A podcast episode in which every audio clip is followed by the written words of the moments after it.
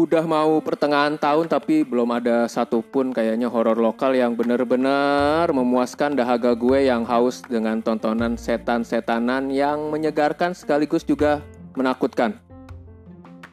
Halo halo sobat Kripik, masih bersama gue Rangga di podcast Kripik Film. Di episode terbaru kali ini gue akan mereview The Doll 3. Mari bicara soal kuantitas nih. Kita emang bisa dibilang nggak pernah yang namanya kekurangan stok film horor. Film horor Indonesia. Dalam sebulan minimal bakal ada tuh satu atau dua penghuni alam gaib, maksudnya film horor yang mampir terus nangkring di jadwal tayang bioskop. Kalau gue hitung-hitung nih sampai akhir Mei ini, sampai podcast ini gue rekam, kalau nggak salah hitung jumlahnya udah sampai 10 film horor. Wow, banyak juga kan? Termasuk yang sempat gue tonton kayak Teluh Iblis dalam Kandungan, Menjelang Maghrib, terus ada apa lagi ya? Oma the Demonic, terus KKN di Desa Penari, yang jadi film terlaris sepanjang masa dengan perolehan penonton sekarang berapa ya? Kalau nggak salah 8 juta lebih ya. Lalu ada The Doll 3 ini yang sekarang bakal gue review. Nah, meskipun berhamburan tuh di bioskop aneka setan dari yang berwujud mirip Sonic pasca terdampak ledakan gas 3 kg hingga siluman ular yang lihai menggoda lelaki sekaligus menari. Film-film tersebut secara kualitas penceritaan serta konstruksi penampakan menurut gue masih berstatus memprihatinkan. Maaf, maaf nih ya. Mari gue ajak menengok sebentar ke belakang nih, menengok franchise The Doll. Franchise boneka iblis yang memulai terornya di tahun 2016 silam ini memang bisa dikatakan selalu gagal memberikan rasa takut yang maksimal ataupun sekedar menghadirkan horor yang menyenangkan. The Doll pertama misalnya alih-alih nutup mata malah gue nggak tahan lah mau ketawa melihat segala penampakan repetitif berulang-ulang yang menggelikan dan acting yang amat jauh dari meyakinkan walaupun dengan upaya sekeras-kerasnya Sandy Aulia berakting. Apalagi pas peragain aksi mox apa nih? Uh, ek, apa aksi mos, mosing berulang-ulang walah belepotan. ya si Sandy Aulia berapa kali ya di film The Doll pertama itu garuk-garuk mosing apalah itu di lantai. Nah, baru deh pas datang Luna Maya di The Doll kedua. Luna Maya nih jelas membawa pengaruh signifikan ke dalam departemen acting.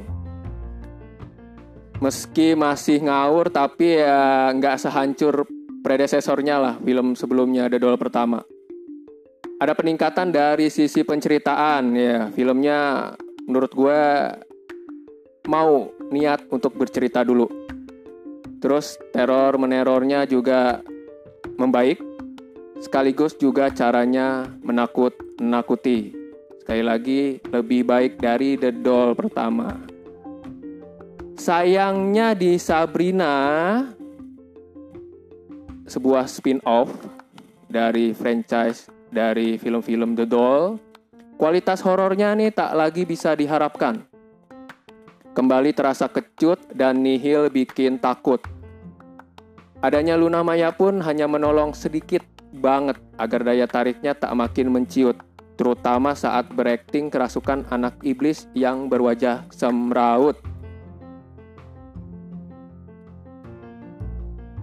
Waralaba horor boneka kerasukan roh jahat yang sejak awal sudah terlihat problematik ini Kemudian berlanjut deh ke, do, ke The Doll 3 ini yang gue review. Gue nonton hari Jumat kemarin. dengan premis yang nggak perlu repot-repot mikir tinggal comot dari seri sebelumnya Luna Maya yang dulu kehilangan anak sekarang digantikan oleh Jessica Mila yang main juga di film Mata Batin. Jessica Mila di sini diceritakan ditinggal adik laki-lakinya. Kalau Luna Maya kehilangan anak perempuannya yang meninggal, di sini Jessica Mila adik laki-lakinya. Lalu Jessica Mila melakukan perjanjian dengan dukun agar arwahnya adiknya itu pindah ke boneka smart doll bernama Bobby yang pada waktu itu jadi best seller lah. Dibeli bang dibeli banyak anak-anak. Kalau gue mau ogah serem banget Bobby asli. Kayaknya nggak perlu deh yang namanya kedukun ya. Taruh aja tuh Bobby di rumah dua tiga hari kayaknya udah gerak-gerak sendiri asli Alih-alih mendapatkan kedamaian bisa komunikasi lagi dengan sang adik Ya, kehidupan Jessica Mila dan orang-orang terdekatnya justru berubah jadi mimpi buruk setelah roh jahat menumpang di boneka mahal yang mampu berteriak motherfucker tersebut. Niat aja emang gak cukup. Upaya The Doll 3 untuk terlihat lebih baik dari pendahulunya terasa malas malesan. Oke, menghadirkan animatronik untuk menggerakkan Bobby kayaknya jadi satu-satunya yang layak gue apresiasi.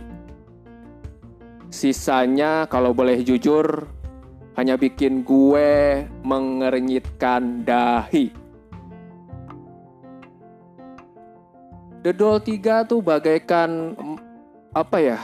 keburu-buru banget gitu mau memamerkan adegan slasher-slasheran yang dilakukan nantinya oleh Bobby.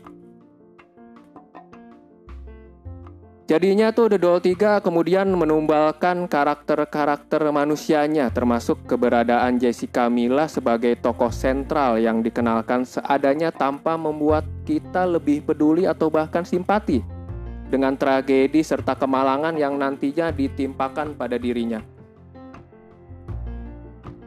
Sudah diberikan durasi seuprit buat memperkenalkan karakternya, The Doll 3 juga memperlakukannya nggak kayak orang dari semesta yang sama dengan penonton termasuk gue.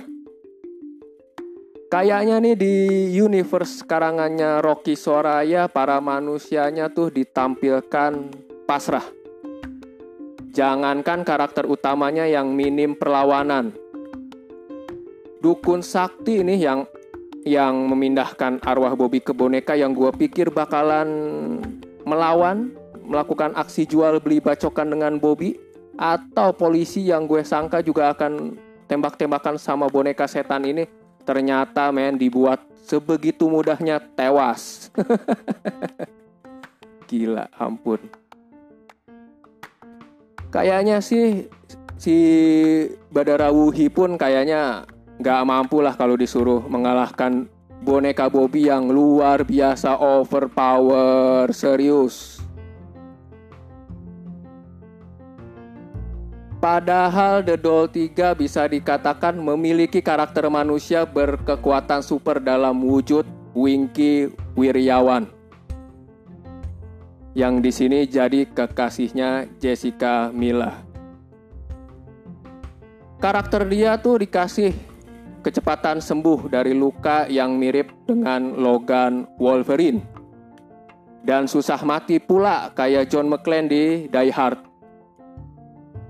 Mungkin seharusnya karakter ini yang dijadikan jagoan untuk menghantam dan membalas setiap kali Bobby menyerang atau bahkan menantang duel sampai mati. Ayo lu sini Bobby, kita ribut berantem.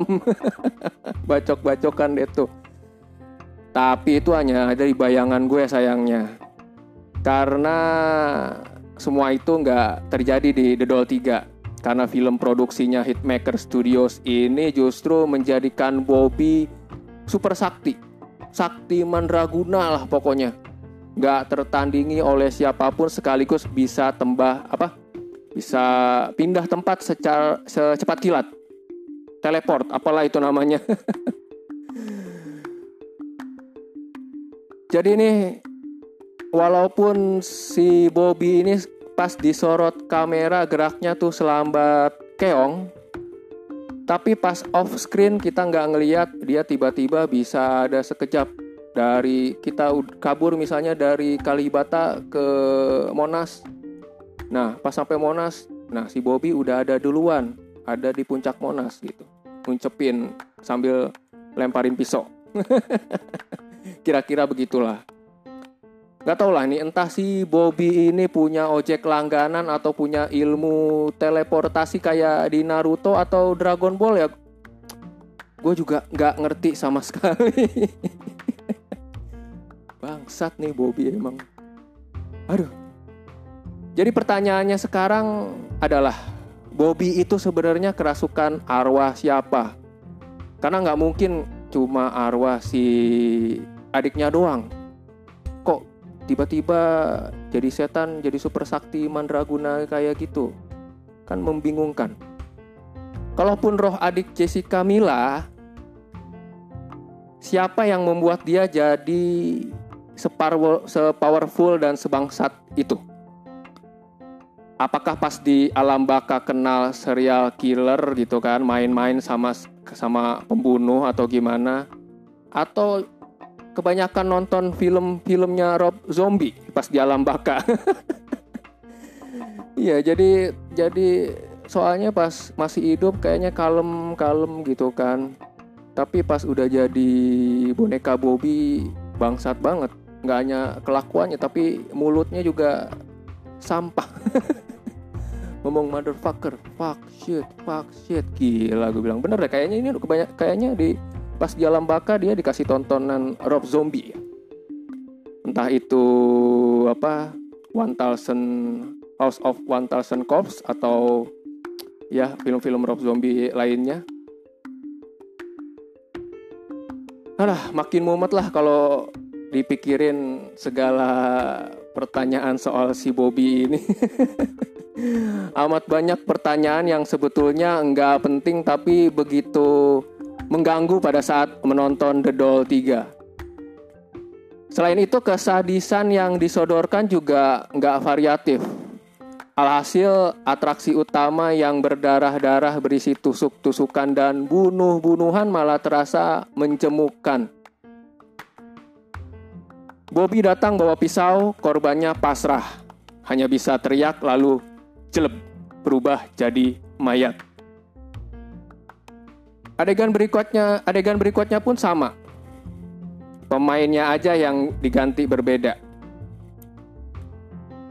Misalnya polisi jeleb mati jadi mayat, terus adegan berikutnya jeleb pembantunya jadi mati jadi mayat. Udah gitu aja, nggak ada perlawanan sama sekali, bangsat banget.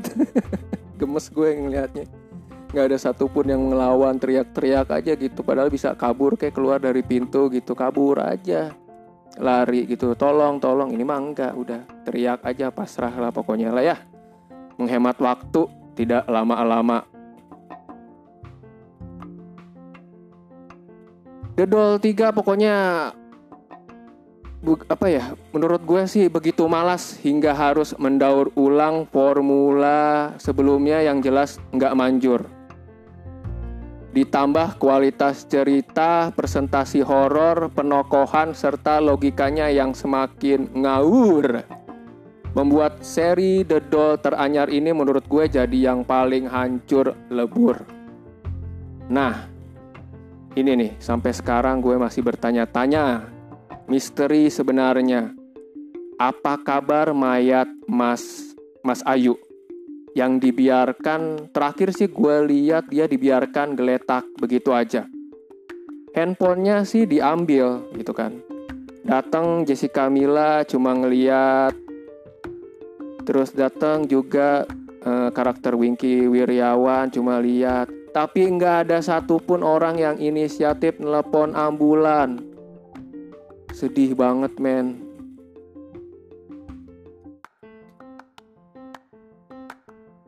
Oke, sampai di sini podcast Kripik Film episode reviewnya The Doll 3. Silahkan kalau mau menonton yang yang penasaran kayak se sebangsat apa sih The Doll 3, semenggelikan apa sih The Doll 3 yang penasaran sama si Bobby ngomong motherfucker fuck shit fuck shit. Silahkanlah gue mah terserah kalian silahkan yang mau nonton yang mau yang nggak mau nonton juga ya terserah. Thank you yang masih mau mendengarkan ocehan gue yang nggak penting ini sebenarnya di podcast Kripik Film. Sampai ketemu di episode selanjutnya. Gue Rangga. Motherfucker. Ciao. Fuck shit Bye bye, dadah.